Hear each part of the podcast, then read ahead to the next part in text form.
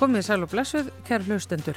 Þetta er samfélagið, það er 50 dagur 4. mæ. Þórild Rólustóttir situr hér í efstaleiti og uh, Guðmundur Pálsson er á, á þvælingi. Ekki satt Guðmundur? Mikið rétt, við ætlum að senda þáttinn að hluta út hérna frá Hörpu þar sem lofslagsdagurinn er haldinn í dag. Það eru margir sem ætla að tala hér um lofslagsmál á mannamáli eins og sagt er. Við ætlum að tala við Rögnu Benediktur Garðarstóttur, professor í félagsálfræði. Hún er hér að spurja spurningarnar hvernig breytir maður samfélagi meðnum það hérna til smástund. Já, aðteglisvert. Það er þá samfélaginu, ekki þessum þætti, heldur bara svona almennt samfélaginu allir að vona. Samfélagið þátturinn verður á mörguleiti óbreyttur með foröfnilegu efni. Við ætlum líka að ræða um byggingareiðinaðan hér á eftir og beina sjónum okkar sérstaklega því hvernig hægt er að hanna hús og svæði á umhverfisvarnan hátt með sjálfbærni og ringrásar aðkerfi að leðaljósi. Arkitektar gegna likil hlutverki í þessu og við ætlum að ræða við eitt slíkan, hanna Arnildi Pálmadóttur sem að vinnur á stofu sem leggur sig sérstaklega eftir því að hanna undir umhverfisvænum formerkjum. Og svo er umhverfispistillinn á sínum stað, það er jú 50 dagur og þá eru þeir á dasgrá hérna hjá okkur. En við ætlum að skipta aftur niður á hann Guðmund okkar á loftlagsdeginum í Hörpu hér eftir örskamastund.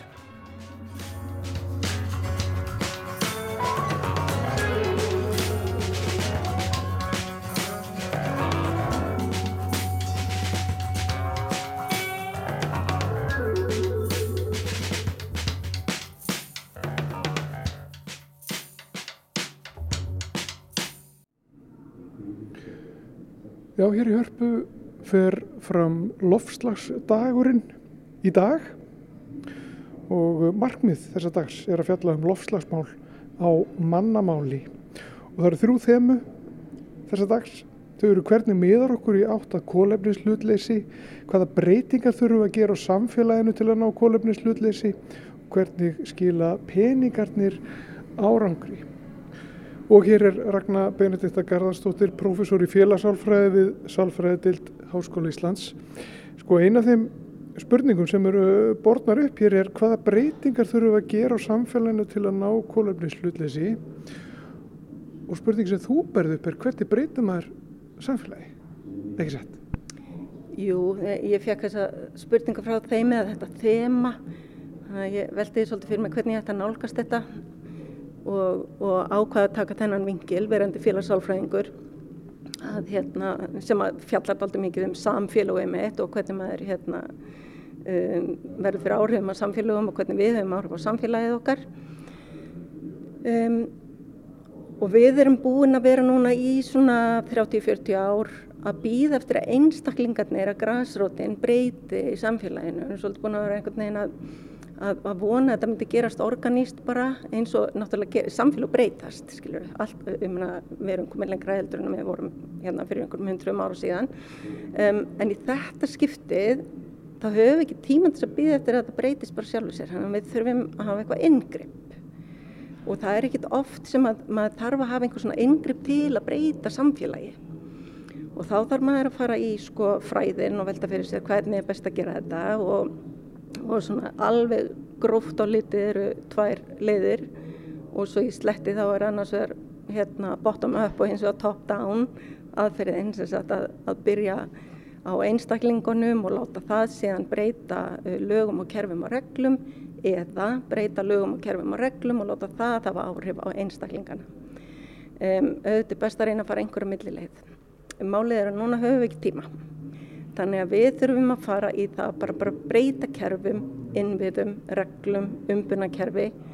Og um, það sem að mig langar til að segja við uh, ráð þeirra og aðra sem eru hér stattir í dag er að vera órætt við þetta.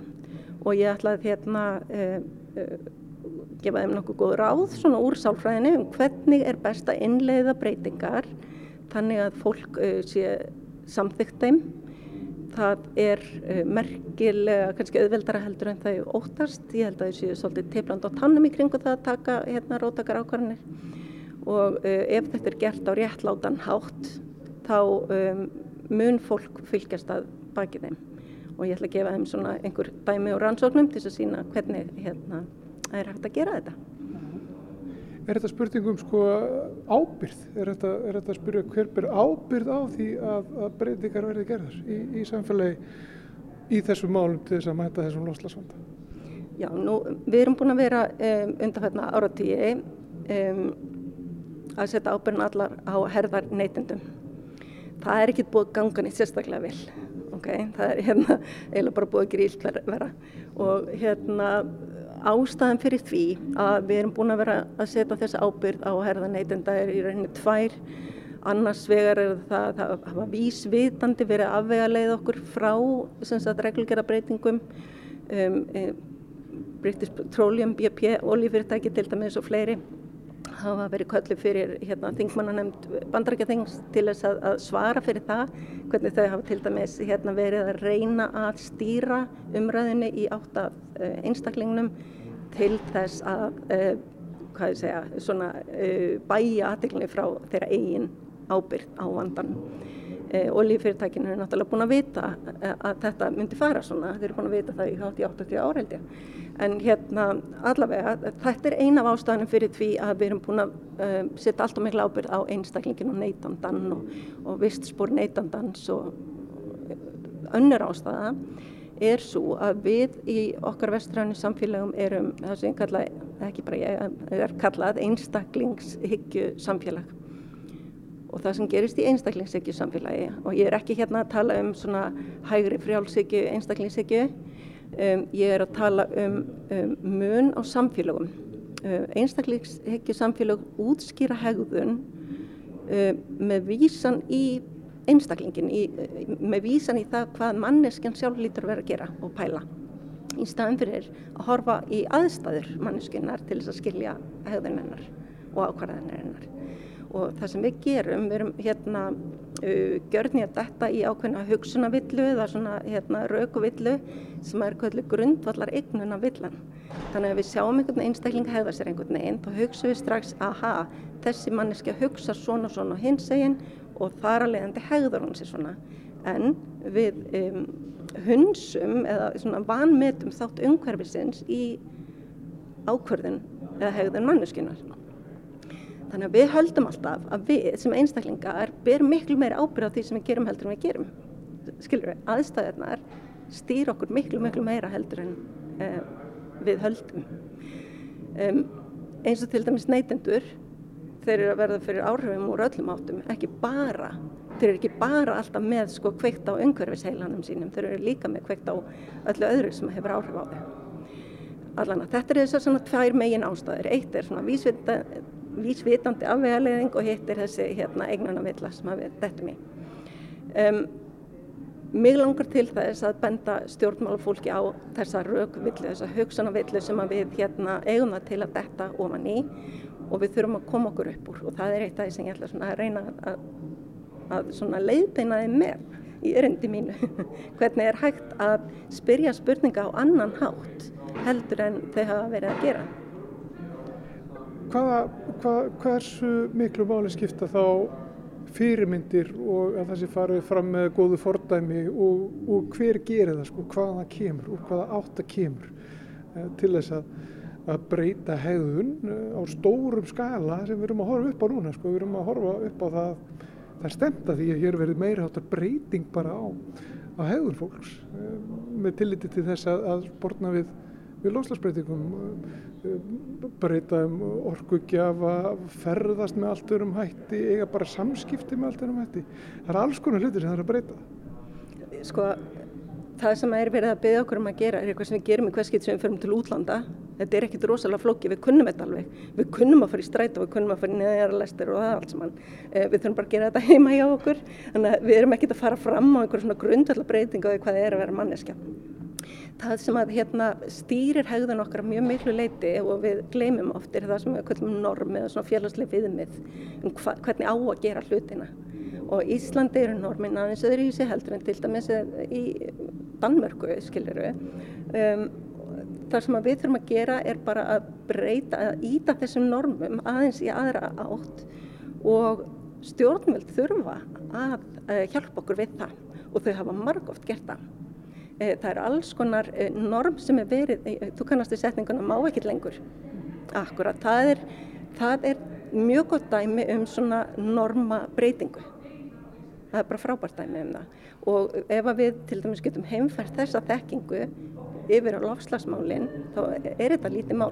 Og rannsóknir sína líka sko að Íslendingar, um, einstaklingar og fyrirtæki eru bara býða eftir fyrirmælum þau vilja fá miklu harðari og skýrari um, hvað ég að segja, svona ramma frá stjórnöldum um hver eru næstu skrif og meðan stjórnöld standa og horfa og býða hérna eftir einstaklingarnar og fyrirtækjum breyti sér skiljur þannig að þetta er búið að vera svona pínu katts 22 þannig að, já.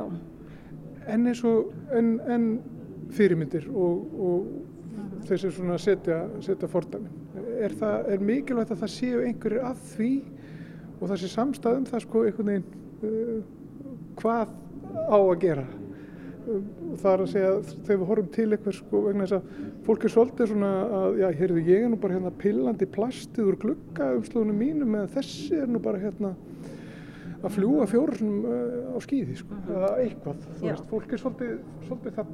það. Mér finnst að stjórnvöld eigi að vera svolítið fyrmyndin hérna og ég ætla bara að segja beint út þau geta sagt okkur hvað er og er ekki í lagi til dæmis með alls konar reglugjörðum með því að setja heimil á, hefur að segja, enga þóttur um, og, og kannski öll þessi skemmtifæraskip sem koma hérna spúandi í staðin fyrir einmitt að setja peningana í að byggja sko mótökustöðar fyrir þessi skemmtifæraskip þetta er mín eigin persónlega hérna, politíska skoðin en eh, með því að sko að, að stiga alltaf fast í jarðar í þessu og sína þetta er í lagi og þetta er ekki í lagi. Þá veita þau okkur hinnum ákveðna fyrirmyndur um hvert þau vilja að viðstættum líka. Og uh, sko þegar það er ójöfnur í þessu þá einmitt missa þau um, áherendur, þau missa fólkið ef að þau eru ekki sjálf trúverðug í þessu, ef að það er ekki gegnsægi, algjörst gegnsægi og réttlæti þeirra aðgerðum. En getur við velt fyrir okkur ykkur bara svona veit ég hversu sálfræðilegt það huttak er sko stemming mm. og, hérna, og fílingur, ég veit ég hvort að það er í, í, í sálfræðinni hérna, eitthvað, eitthvað rannsakað en, en, en sko þú veist að, að, að fólk sé einhvern veginn saman og það sé, hafi saman eitt markmið og, og ég vil segja bara að það sé fílingur í gangi Mannst eftir hérna við erum öll almanvarnir Akkurat. Sko við erum öll líka hérna umhverfisvarnir. Um, þetta er eitt af því sem ég ætla að kenna þeim hérna inn í salnum. Það er þetta hérna, concept social identity þessi félagslega samsend. Hvað skiptir rosalega miklu máli að fá fólk um, til þess að saminast um samilegt markmið. Heilin á okkur er þannig uppbyggður að það er fátt meira mótiverandi fyrir okkur heldur en uh, að tilhera hópi sem er að reyna að ná markmiði. Það er einhvern veginn, það kveikir einhverja hérna, elda í kollin á okkur og, og hérna keira okkur áfram Þannig að ef að þau nota þessa félagslegu samsend eh, og reyna að um, rotta okkur saman í kringum sameinlegt markmið eru gegnsæ með alla sína ákvarðanir, sín okkur ítrekkað hvert þau eru komin og hvert við erum komin, þá er auðveldara að fá okkur með í lið. Er boltið svolítið mikið hjá stjórnvöldum? Algjörlega við erum búin að vera að byrja hana bolt allt og lengi við neytendur án þess að hérna fá hvað ég segja, svona bakka frá stjórnvöldum þannig að eh, ég ætla bara að rétta þeim hann núna En aðeins um, um þennan dag sko, þetta er lofslastagurinn uh mhm. -huh. sem er hérna í hörpu, ekki fyrsta skipti eh, þetta er þetta snýst um, um daldið er það ekki að ræða umhverfismál og lofslagsmál á mannamáli eins og, eins og það er sagt. Já, akkurat. Það, hérna, uh, þetta var búið til í fyrra í kringum lósunabókaldið. Það er alltaf kemur út sko, skísla um lósunabókaldi Íslands og það er vist alltaf þurrar um, tölur sem ekki uh, er auðvelt að tengja við. Um, þannig að þau ákvaði að reyna að gera bara svona heilan dag úr, gera svolítið svona ívent, fá fólk til að koma og tala og reyna að útskýra sitt fag og mannamáli og það er, um, já, ég hlakka til að heyra hinn erindin í dag. Já. Og þetta er alltaf stór dagur, það eru, það eru margir samankomnir hérna?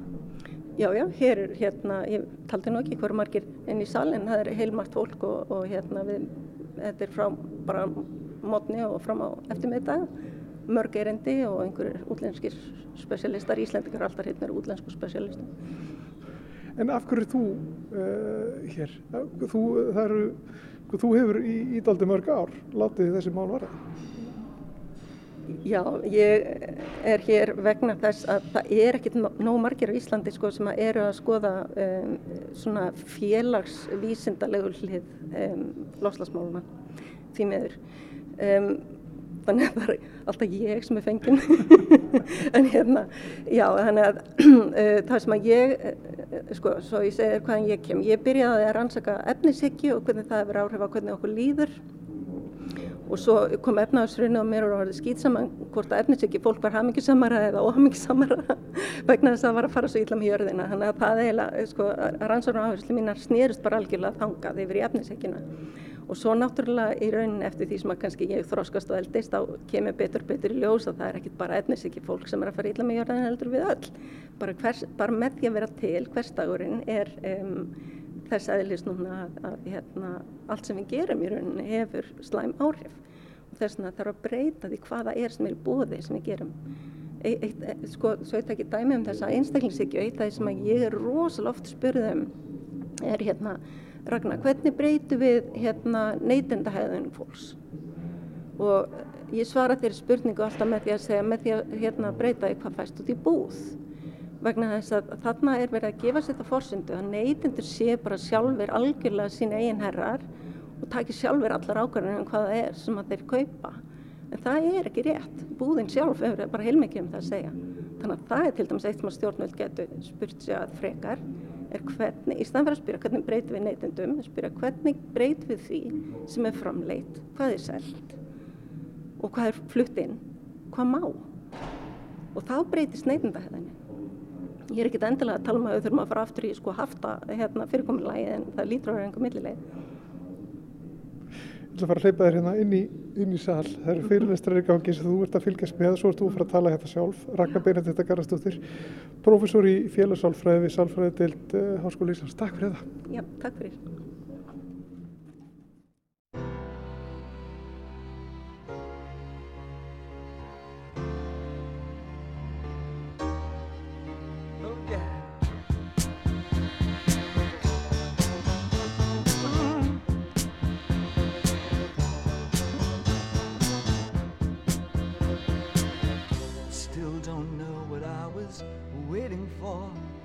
Time was running wild, a million dead end streets. And every time I thought I'd got it made, it seemed the taste was not so sweet. So I turned myself to face me. But I've never caught a glimpse of how the others must see the faker. I'm much too fast to take that test. Changes. Turn and face the strain. Changes. Don't wanna be a richer man. Changes. Turn and face the strain. Changes. It's gonna have to be a different man.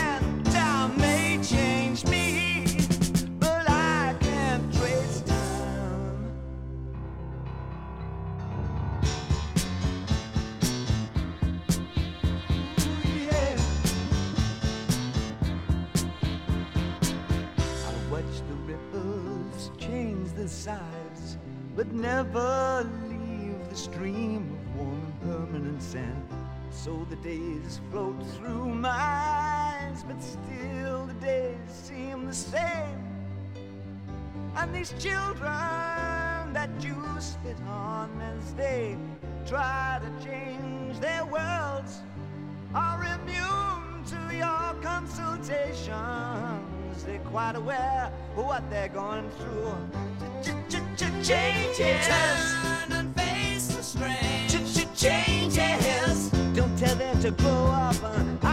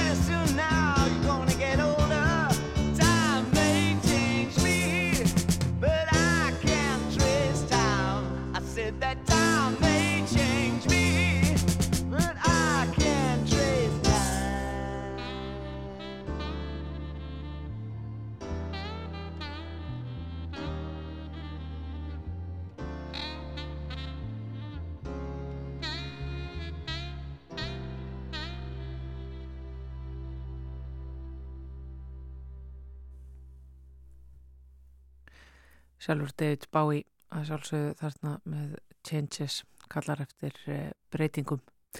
En áfram höldum við með samfélagið. Við hefum mikið fjallaðum byggingariðnaðin hér í samfélaginu en það er það náttúrulega einn af mest mengandi yðnum í heimi og eh, verður nú að segjast að það er alveg ímislegt eh, sem að er verið að gera og svo eru náttúrulega alveg ótal mörg tækifæri til þess að gera betur til þess að draga úr umhverjus áhrifum byggingaðinaðarins og það þýðir náttúrulega að öll virðiskeiðjan upp og niður þarf að skoða sín mál. Við höfum talað tölvert um byggingar efni hér í samfélaginu en viljum líka fara í aðra hluti sem tekist byggingaðinaðunum og til dæmis eins og arkitekturinn. Hún er sest hjá mér Arneldur Pálmadóttir, arkitekt, sem að er meðegandi í stofu sem að, já, er með þann yfirlýsta tilgang að íta arkitektur í átta sjálfbærni og ringrásarhagkerfi. Sælverstu Arneldur. Sæl, takk fyrir að fá mig. Sko, e, var það ekki arkitekturinn svona sá fyrsti til þess að taka til sín þá pressu að fara út í, já, umhverfisvætni eðnað? Jú, ég held kannski að einhverju leiti uh, samt svona kannski ekki beint allur bransin. Það var svona einstaklingar sem hefði áhuga á efnisþróun og breytingum. Við erum svolítið svona, svolítið íhaldsam með bransi, uh, tengd náttúrulega verkkaupum og, og hérna, já þetta þarf auðvitað allt sem að, að komast fyrir innan tíma áætlan á kostnæðaramma og þannig að við þórum kannski ekki alveg að stökka breytingarnar en það voru samt arkitekta kannski sem að byrjuði að skoða efni um eitt ný, ný efni, þróun, þróun í þeim og, og hérna, en við, það er alveg komið tími til við tökum meira stökki núna vegna þess að, að við erum komin alltaf fram yfir all, all markmið og, og allt sem við þurfum að hérna, já, allt sem við þurfum að gera er bara orðið mjög mikilvægt. Já, en sko ef þú setur þetta í bara svona mannamál að því að þín fræði er tölverð flókin fyrir leikmenn, hvað er það sem að arkitekturinn hefur í hendi sér til þess að, að já, gera það sem hann er að búa til umhverfsvætna? Já, við náttúrulega erum eiginlega svona þau fyrstu sem ákveðum hvernig byggingarnar er að líti út og við auðvitað eigum líka að vera ráðgjafar fyrir verkkaupan, við eigum auðvitað að vera sérfræðingarnir og við eigum að vera búin að fylgjast með því hvað er í gangi og hvað þurfum við að gera. Og við þurfum að hafa þess að þverfaglegu tengingu og áhuga á því hvað aðrir er að gera líka því að þetta raðast allt upp í einhverja tímalínu þessi verkefni. Já. og við þurfum að vera aðeins og undan einhverjum til þess að ná að setja þetta inn í verkefnið. Og við höfum bara mjög mikil tækifæri til þess að, hérna, að, að gera það. En það krefst aðeins svona auka vinnu og auðvitað oft er bara arkitektur business og þá þarf, það voru ekki hægt að vera eða tímanum í aukavinnu, þá þarf að rukka einhvern fyrir það, mm -hmm. en ég held við þurfum bara að fara að endur skilgreina okkur, við þurfum að endur skilgreina og eins og reynsla lendtagar í Danmörku er svo að, að verkefni verði ekki dýrari, heldur verður kannski hönnunarkostnæður aðeins dýrari, að því það þarf að hugsa út, útfærslur og það þarf að mögulega að finna efni sem að fellur til einhver stað sem hægt er svo endur nýta í nýjar byggingar en efniskostnæðurinn verður aðeins ódýrari. Já, og, Lendagar er þessi arkitektastofa sem að þú, þú ert í, sem já. að svona sérhæfi sér svolítið í þessum sjálfbarni hönnun. Já. Af því að þú segir, þú, þú saði sjálf, þetta er íhelsami bransi og það er náttúrulega verið að horfa í aurin og tíman. Fáðu þið fylgt af verkefnum?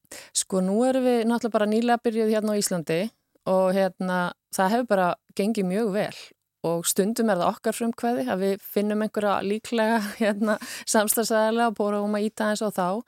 Í einhverju tilfellum er það einstaklingar sem að hafa vilja taka þátt í þessari umbreytingu mm -hmm. og mhm. hérna, við erum til dæmis að vinna gistihús fyrir fólk eh, sem býr í Reykjóldi eh, réttu gullnaringin og þau vildu bara byggja hús sem væri úr efnum í nágranninu og við, það passaði akkurat við það sem við verðum að gera, það var okkur langað að gera þannig að það er ótrúlega skemmtilegt verkefni og svo er þetta líka, já, svona blanda félagsbústæðar náttúrulega e, vildu vera með í verkefni sem að þar sem við ætlum bara að sína fram á það að við gætum lækka kolumnispor í byggingu með því að lífsferilsgreina efnin sem er þessi útrekningur, eini svona bestalegin okkar til þess að finna út hvort eitthvað er um hverju svent í dag, uh, að lífsferilsgreina samlega hönnuninni en ekki bara ákveða efnin, heldur ákvaða efnin eftir við værum búin að greina þau. Og það er þarna sem ég er að segja þessi tími sem að fær aukalega í eitthvað.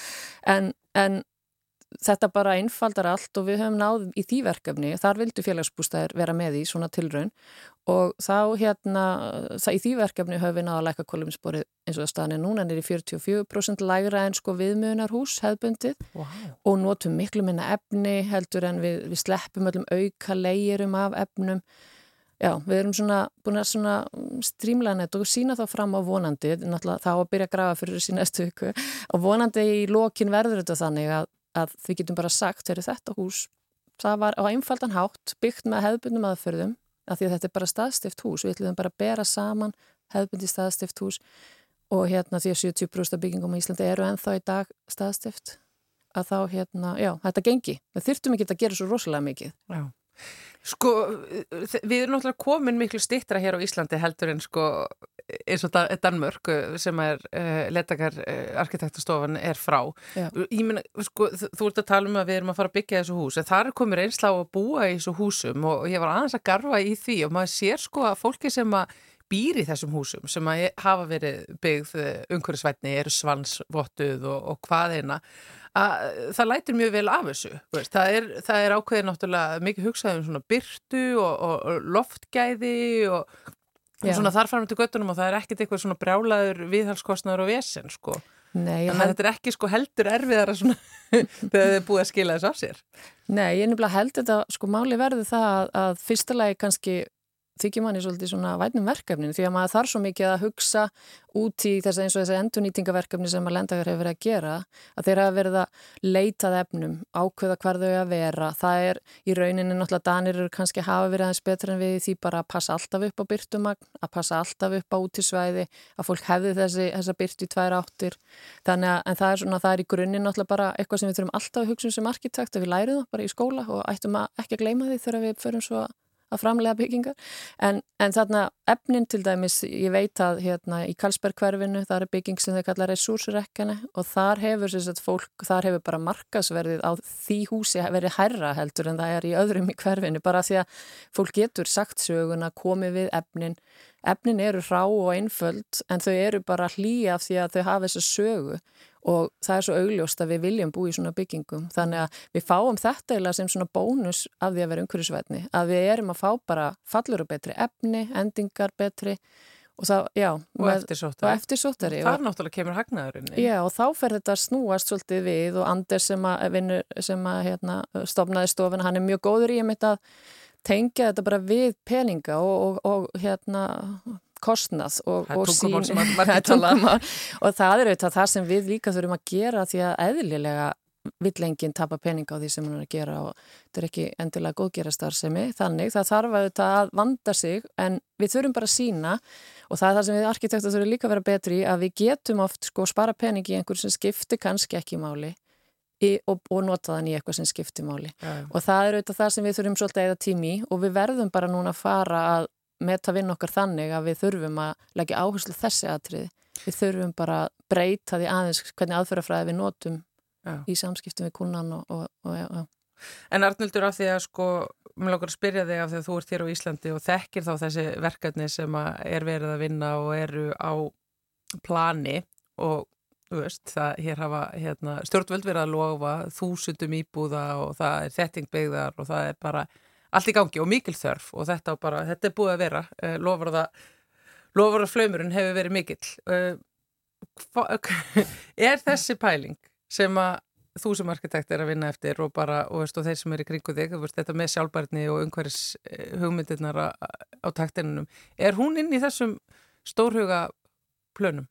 Nei, ég las þarna ramma samningin og það er náttúrulega ekkert minnst á umhverjusmál. Það er ekkert minnst á umhverjusmálin? Ekkert minnst um, og það er svolítið sérstækt af því að við erum náttúrulega að reyna að halda okkur, við erum búin að semja um alls konar, hérna, gera alls konar samninga um, um mörglofur halda okkur innan 1,5 gráðu lækka Íslandverði með 30% minni losun 2030 og, og það gerist ekki nema við tökum byggingaðinu þess vegna skrítið að það hafi verið minnst á þetta. Þetta er algjörlega ómögulegt og mjög skrítið. Þannig að ég hérna við þurfum auðvitað að hérna, ákveða hvernig, þó við ætlum bara að byggja þúsund íbúðir á ári, þá erum við samt ekki búin að breyta nógu miklu til að við getum haldið okkur undir þessum lofórðum okkar, alþjóðlegu samningum. Mm. Þannig að við verðum að breyta þessu og ég menna við getum breyta þessu og hefði náttúrulega átt að vera inn í þessari ramma, rammasamningi að við hættum að rýfa, að við notum það sem er til, ef við þurfum að rýfa þá notum við það sem við rýfum í nýjar byggingar og svipuðum stað eða annar staðar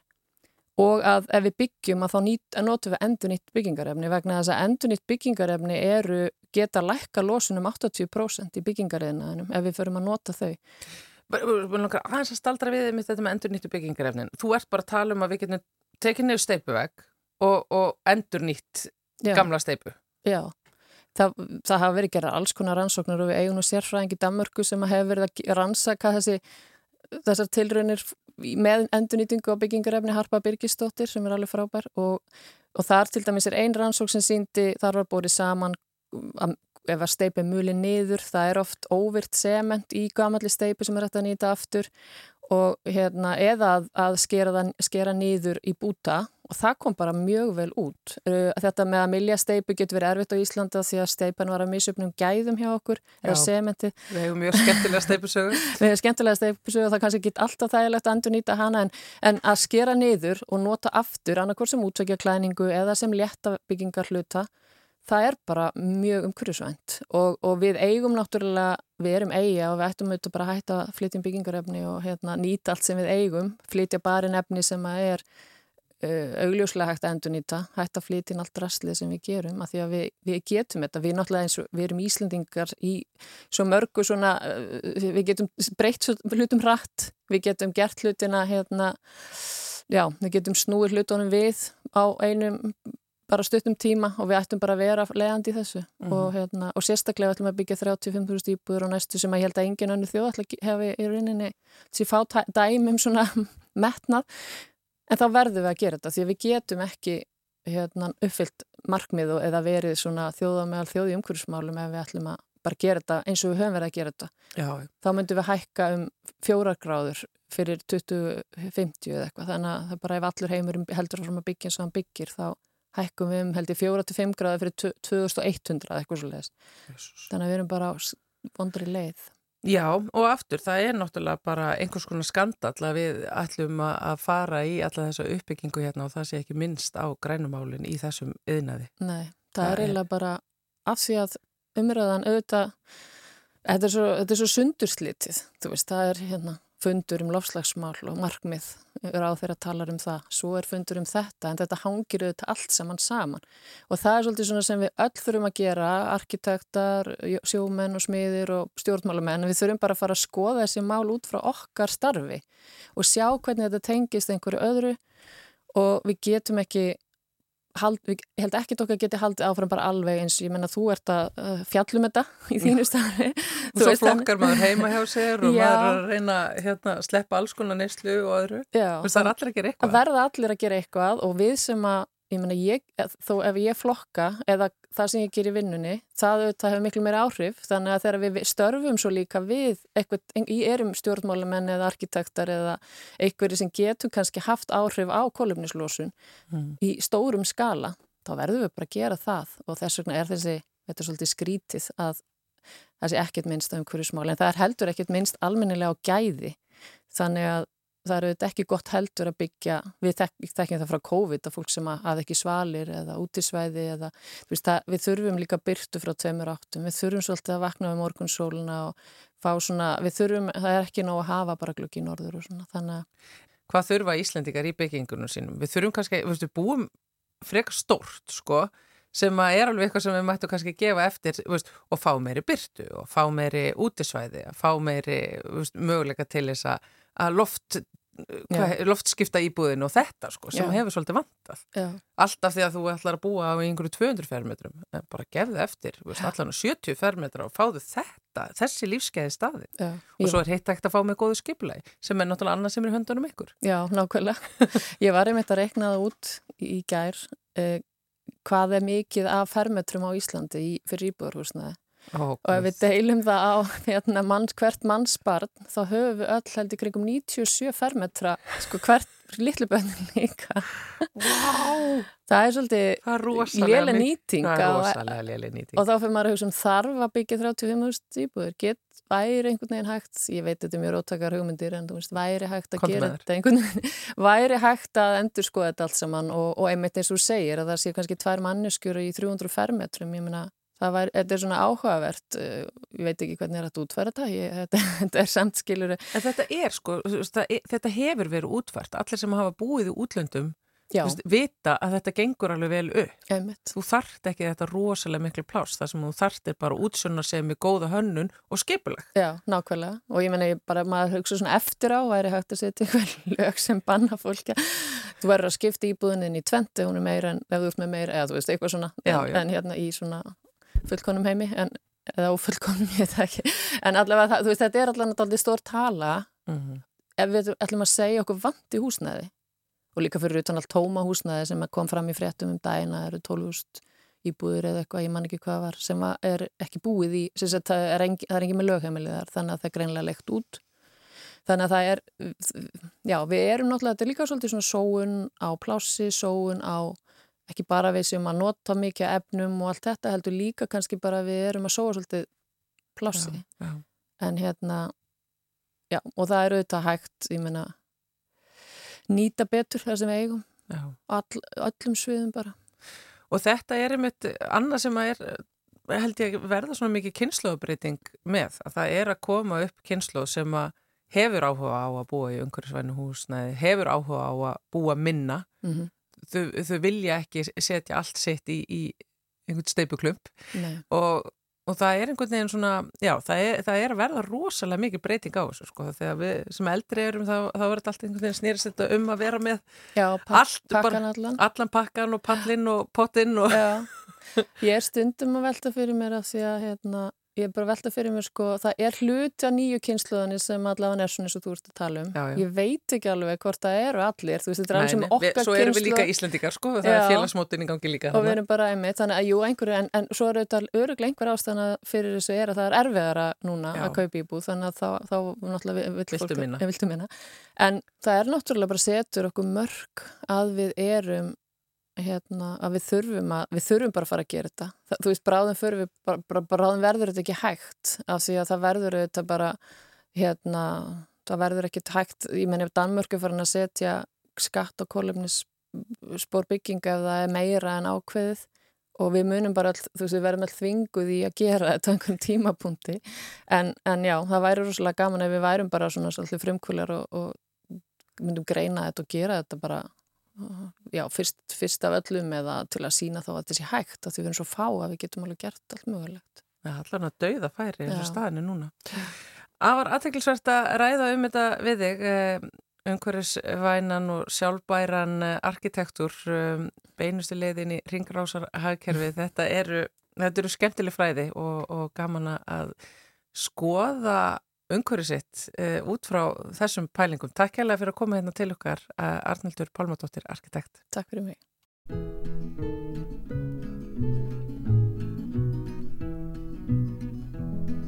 When I was just a lad of ten, my father said to me, Come here and take a lesson from the lovely lemon tree. Don't put your faith in love, my boy, my father said to me.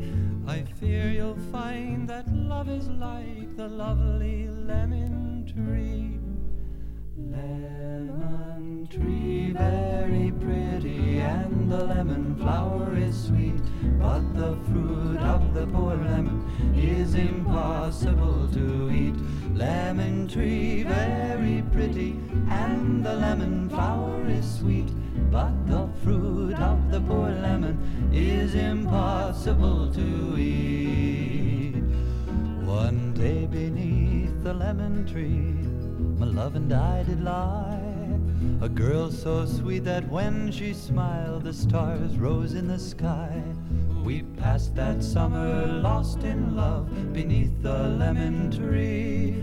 The music of her laughter hid my father's words from me. Lemon tree very pretty and the lemon flower is sweet but the fruit poor lemon. Is impossible to eat. Lemon tree very pretty and the lemon flower is sweet. But the fruit of the poor lemon is impossible to eat. One day she left without a word. She took away the sun, and in the dark she'd left behind, I knew what she had done. She'd left me for another, it's a common tale but true. A sadder man but wiser now, I sing these words to you. Lemon tree very pretty, and the lemon flower is sweet, but the fruit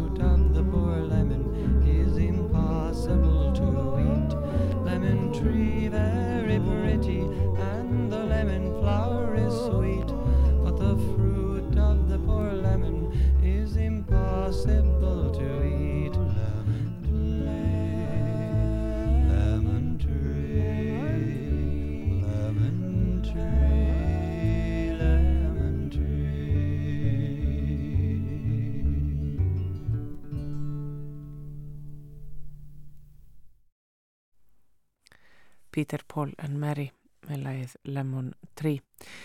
Hér á eftir í samfélaginu er umhverfispistill en eh, áður en að honum kemur skulum við fá eitt ruslarapp.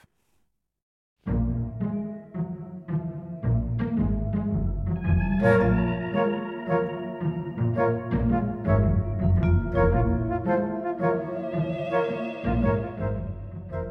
er Eirikur Örd Þorstensson, sérfræðingur í fræðslu og miðlun, mætturinga til okkar í samfélagið í Ruslarappið til þess að svara spurningum um flokkun og úrgang, hvað eigum við að gera við allt þetta dót sem hlæðst upp á heimilinu okkar og í dag er það eitthvað sem að fólk vandraðist mjög gertan með eh, og sérstaklega náttúrulega þegar líður á jólum, það er bökunapappirinn.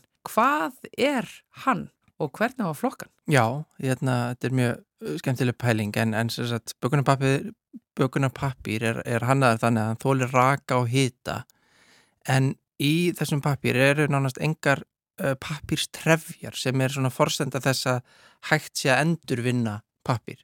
Þannig að bökunarpappir uh, ætti uh, þess að fara með almenna sorpinu en ekki flokka sem pappir og hérna uh, eins og til dæmis líka klósetpapir eða eldhúsrúlur og, og slíkt þetta er eitthvað sem að inneldur lítið af þessum papírstrefjum þannig að þetta er einhvern veginn ekki endur vinnalegt, þetta er ekki að búa til uh, nýjan papír úr þessu.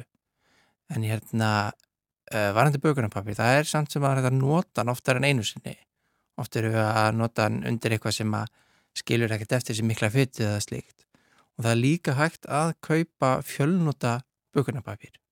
Þannig að það er ímislegt í stöðinni. Já, en væri kannski ráð núna þegar við erum alltaf vandræðast með flokkun að hætta að láta hluti heita pappír sem er ekki pappír? Já, sko, svo er það nefnilega. nefnilega. Þetta er, þetta er pappír, jú, og hérna, en, en þetta er, er pappír sem er ekki hægt að endur vinna. Þannig að Þetta er flókið líf.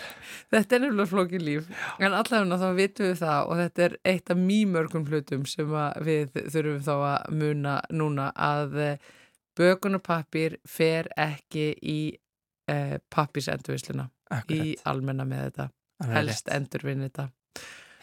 Eirikur Örþástesson, Takk hérlega fyrir að koma hinga til okkar í að reyna að einfalda annars mjög flóknar hluti. Afsakið ef ég er að flækja þetta svona mikið.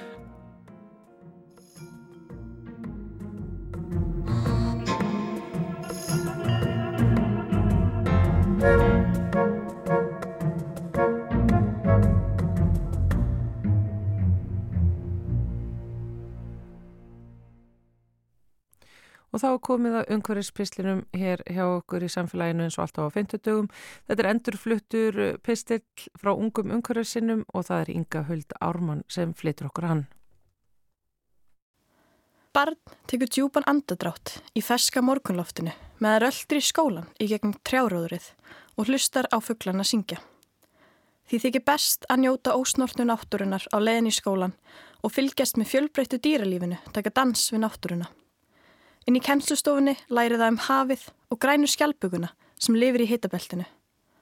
Barnið horfir út um gluggan og hugsa með sér hvað það sé þakklátt fyrir að morgunlofti sé fest og ómengað. Að skólinn eigi ekki lengur í hættu á skóla spurt með flóði og það geti lært um grænu skjálpuguna upp á stýri sitt, dýr sem lifir frjálst í hafinu í stað þess að vera útrýmt vegna hækkandi sjáarhita. Það var þakklátt fyrir að fyrir 40 árum tók heimurinn höndum saman og hlustaði á viðvarinni vísindamanna, virtu mannréttindi og réttindi barna og hóf rótækar lofslasaðgæðir. Þann 20. november 1959 samþyktu samnu þjóðanar yfirlýsingu sem fjallar um sérstöku réttindi barna. Þegar heimurinn var jafnast eftir setni heimströldina var ljóst að börn varu gríðarlega viðkvæmur hópur sem þyrtu sérstök réttindi og vernd. Yfirlýsingin læði grunn að mannréttinda sáttmála um réttindi barna sem er nú þekktur undir heitinu Barnasáttmáli samnið þjóðana. Sáttmálinn er undirritaður af öllum ríkjum heims nema bandaríkjanum og hefur hann verið lögfestur á Íslandi sem þýðir að hann ber sömu vikt og öll önnur Íslands lög. Í barnasáttmálunum er að finna lista yfir réttindi barna á sem skýrum upplýsingum um skildur stjórnvalda varðandi það að tryggja þeim farsæla æsku. Sem dæmi um réttindi sem eru tilgreind í barnasáttmálunum eru vernd gegn ofbeldi og brotnámi, ásamt aðgengi að mentun, næringu, fötum og örugu heimili og að ávalt skuli gera það sem er barninu fyrir bestu. Einni greinir sáttmálinn frá því að stjórnvöld skuli gera allt í sínu valdi til þess að sjá til þess að öll börn njóti réttinda barnasáttmálans. Þó mér finnist gífurlega erfitt að gera upp millir greina sáttmálans er mín uppáhalsgrein nr. 12 og hljóða svo.